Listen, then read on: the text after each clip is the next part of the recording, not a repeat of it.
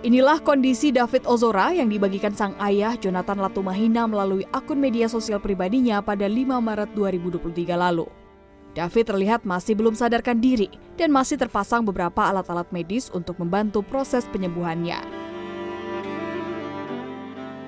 Meski belum sadarkan diri usai dianiaya Mario Dandi pada 20 Februari lalu, David menunjukkan perkembangan yang cukup baik. Unggahan itu pun menuai beragam komentar dari warganet. Tak sedikit warganet yang mendoakan kesembuhan David dan memberikan dukungan agar David lekas pulih kesadarannya.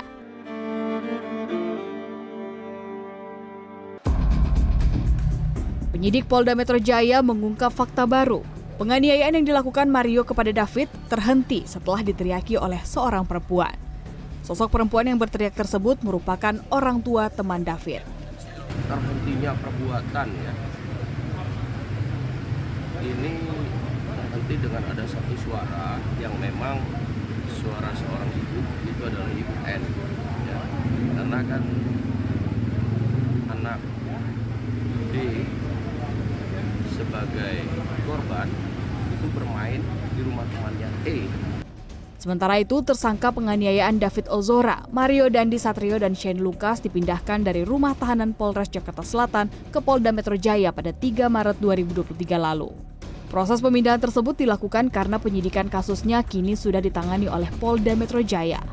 Tim Liputan CNN Indonesia.